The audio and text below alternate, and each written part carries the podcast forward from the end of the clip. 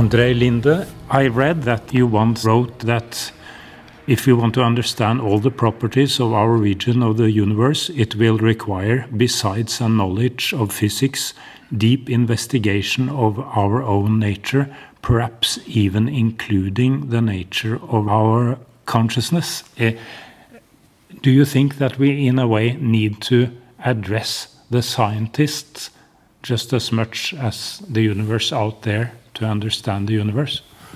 Uh, I don't think that we necessarily need to understand scientists. I think that we need to understand something else. Uh, like, what, is, what does it mean, my pain? What does it mean, my blue, my happiness, my red, my whatever? Con your, con your consciousness? Yeah. Yes, because this is what I am dealing is, uh, with all the time. So my knowledge about the world starts with consciousness. I know about the colors of the world, I know about the size of the world, I know by information that I am receiving. So if I want to study the world, I need to understand what is this that brings me this information. Does this information require existence of matter? Maybe yes. That is our standard hypothesis that we need to understand our world first. And we are understanding it like this world is the fundamental thing, and the consciousness is just a reflection of it. But think about the origin of uh, general theory of relativity by Einstein. Before he invented general theory of relativity, we had real things. Real things are protons, neutrons, electrons, matter, particles, okay? And space and time were just mathematical objects. You have a space and time like rigid something. You have rulers and clock, okay? Then uh, general theory of relativity comes, and it says that space and time may exist and develop and change in time, even if there are no particles there, no protons, no neutrons, no electrons. You just have space and time and gravitational waves moving there. This is almost a hundred years ago. We know that the existence of gravitational waves is absolutely necessary for the consistency of the theory. Nobody have yet seen gravitational waves. They interact with us extremely with extremely small Uh, force. So then we say, oh, gravitons, they are also a matter. This a quantum, gravitational field, they also a matter. So we kind of upgrade space-time into the matter. Okay. Then supersymmetry comes. And supersymmetry is a theory which provides unified description of space-time and matter. And it says that everything is described by superspace. And in superspace, particles like electrons, neutrons, whatever, these particles are excitations of superspace, just like gravitons are excitations of normal space. And so then geometry of superspace become, pri becomes primary. And particles become, well, the tool of description of superspace. So here is the evolution. Space is a secondary thing, mathematical tool for description of reality. Second, reality, or what we call reality, these particles, etc., becomes a tool for the description of geometry of superspace. So this is like total change of perspective. Okay? So now think about our consciousness. We're thinking about consciousness like it is a tool for describing the real thing. Here is the sun, here is a table, here are protons, etc. And it seems that this story may be repeating itself. We absolutely need gravitational waves to describe this reality. And then this gravitational uh, field becomes a part of, well, extended space. Uh, we absolutely need our consciousness to understand what we are talking about. Why do we need the universe? In the, in the end of the day, we need to understand our life, our death, everything that happens with us. And our main goal in the end of the day is related to ourselves. Okay? Who knows? Maybe later we will discover that our consciousness, just like space time, may exist without matter. Maybe it sounds like a ridiculous thing, but a long time ago, before Einstein came with his theory, the independent existence of space and time also seemed to be a ridiculous thing. So what I'm uh, trying to say that when we start studying uh, uh our universe, our world, and ourselves, we should not artificially limit uh, the well depth of our investigation. We should not artificially say this is a metaphysical question and therefore it is not to be asked. Like when we start studying inflationary cosmology, the question about why the universe is big sounded like artificial metaphysical question. The universe is just a universe, and that is it is big. Why the universe is uniform? Well, because it is. Well, uh, why are you asking? This is the universe. It is uniform. So now, when we learned how to answer metaphysical questions in terms of physics, we cannot forget about it. And therefore, it is more and more difficult to forbid physicists to ask questions which venture into this realm of what traditionally people related to metaphysics. Physics or metaphysics, it is a time dependent border between them, and we should not be afraid. You should try it carefully, but you should not forbid yourself doing so.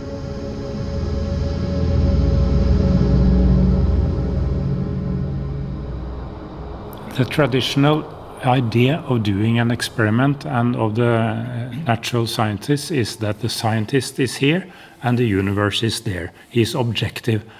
But actually, as I see it, isn't that an illusion? Because, of course, the scientist is in the universe just as much as anything else. So when I'm interviewing you, it's a, a collection of atoms uh, interacting with another collection of atoms, which is you. Can this, isn't that an illusion that the scientist is outside the universe, and can that destroy his whole idea of the universe?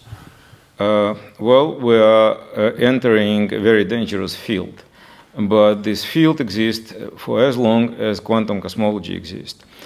In 1967, the father of quantum cosmology, Bryce DeWitt, have written a huge article on quantum gravity.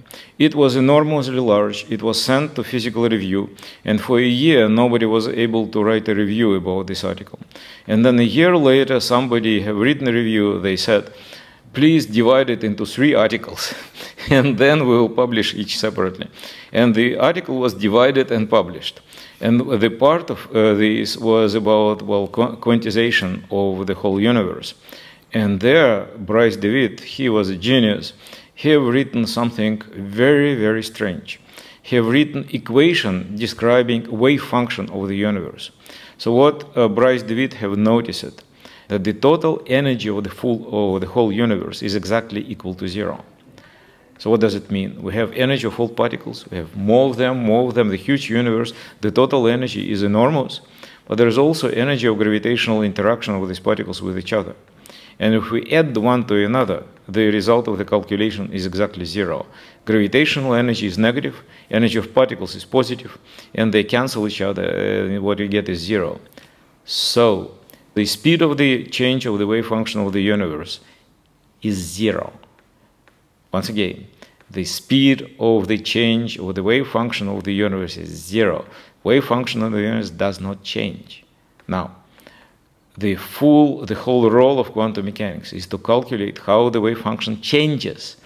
You take electron, it flies this direction, let me know what changes with the electron next five minutes.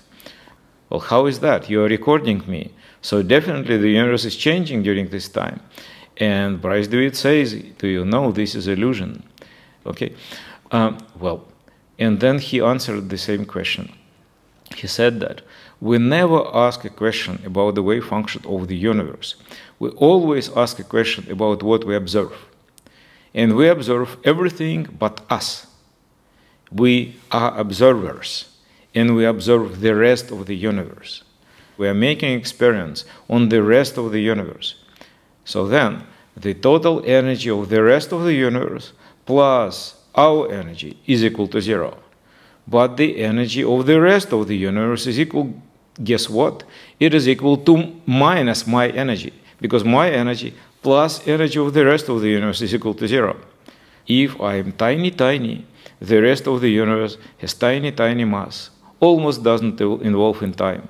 If I am an electron trying to see the universe my information about the universe would be very limited. But if I'm a big, big boy, okay, with lots of equipment, then the rest of the universe will have huge mass equal to the my mass plus mass of these my measuring devices, etc. Then the rest of the universe will evolve. So the rest of the universe does not evolve itself. The rest of the universe evolves only with respect to an observer. And if you wish, this means that I make the universe alive. Okay? You are making your part of the universe alive. There is some correlation between your part of the universe and, your, and my part of the universe. So it's not like my universe, your universe are totally different. If you have two different observers, there is some correlation between you, what you and I are observing. But if both of us are dead, what the universe is doing, okay? So that poses lots of very interesting questions about what is real, what is existence, how do we impact the universe by the fact that we are observing? This is mathematics this is physics many world interpretation of quantum mechanics all of these things which we were uh, able not to think about for quite a while. But now when we're thinking about the universe as a whole now that we look at the galaxies and we say inflationary theory says that galaxies are products of quantum fluctuations emerged during inflation and we are baby of a galaxy. We are much smaller than a galaxy. So if galaxy is a child of quantum fluctuations, we are grandchildren of quantum fluctuations, and yet we imagine ourselves very real, etc. So what I'm trying to say is that all of these things, quantum mechanics, general theory of relativity, and our own existence, they intervened in a very complicated way. So we must find courage to study them all together this is challenging, this is painful, this is very, very strange, but that's unavoidable.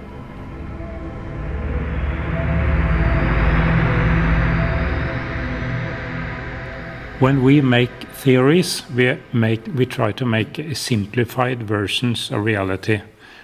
And is is part of what you are saying also that there are many possible ways of making theories uh, based on the brains of the people who who make them, posing different ideas and making different models, and still they would resonate with the universe. Would that poss be possible to think?